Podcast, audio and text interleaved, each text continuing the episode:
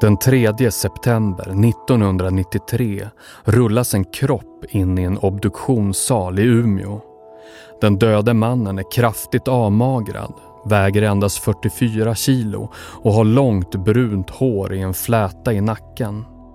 Han var mycket mager, blek och hade små blå, punktformade blåmärken i huden.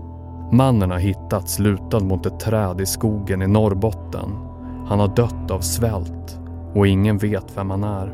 Han har ju enligt det här paret då, som hittade honom vid två tillfällen sagt eh, samma namn, Silvio Altieri. Gåtan med den anonyme, ihjälsvultne mannen kommer att jäcka polisen i mer än ett halvår. Två av varann oberoende vittnen uppger sig ha sett Altieri. Men sanningen om mannen är minst sagt oväntad. Ikväll. Mysteriet med Silvio Altieri som dog efter att ha hittats i skogen. Var han egentligen medlem av en mystisk indiansekt? Jag heter Lars Berge. I podden Medicinmannen berättar jag historien om en idag bortglömd rörelse. En grupp människor som bosätter sig i de svenska skogarna i början av 90-talet.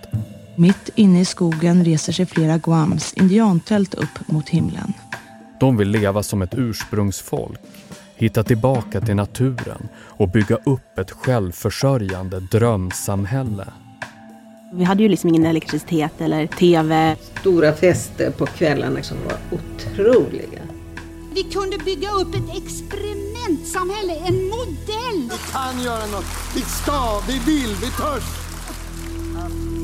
De som ansluter sig har alla blivit betagna av den store ledaren, medicinmannen. All Indians are not red.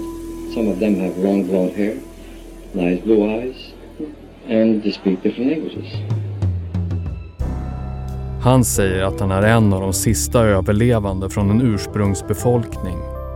Han berättade att deras folk hade blivit massakrerade. Han har visioner om en bättre värld och ett bättre sätt att leva och han vill förverkliga dem i Ångermanland. Man fängslades ju direkt av eh, hans aria. Människor lämnar allt de har för att följa honom.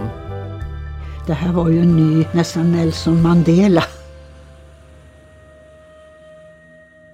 Men är medicinmannen den han utger sig för att vara?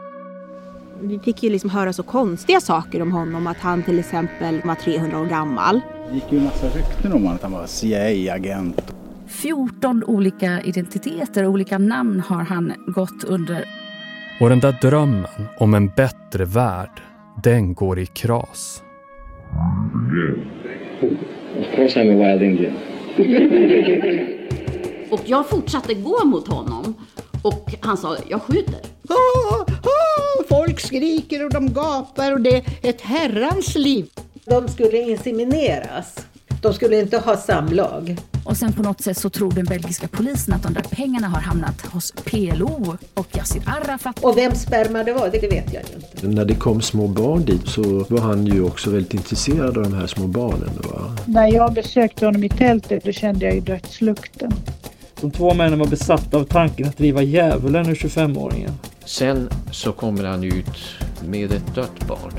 De förvandlade rum nummer fyra till en rituell offerplats. Och då grävde de ner barnet. This is totally sick. Medicinmannen är en podd från Svenska Dagbladet och Banda. Premiär den 6 juli, överallt där poddar finns. Jag kan inte gå in på vad som hände eller, eller hur det gick till. Nej okej, okay, jag förstår, jag förstår. Nej, det tror jag inte att du förstår. Du förstår inte ett skit av det kan jag säga.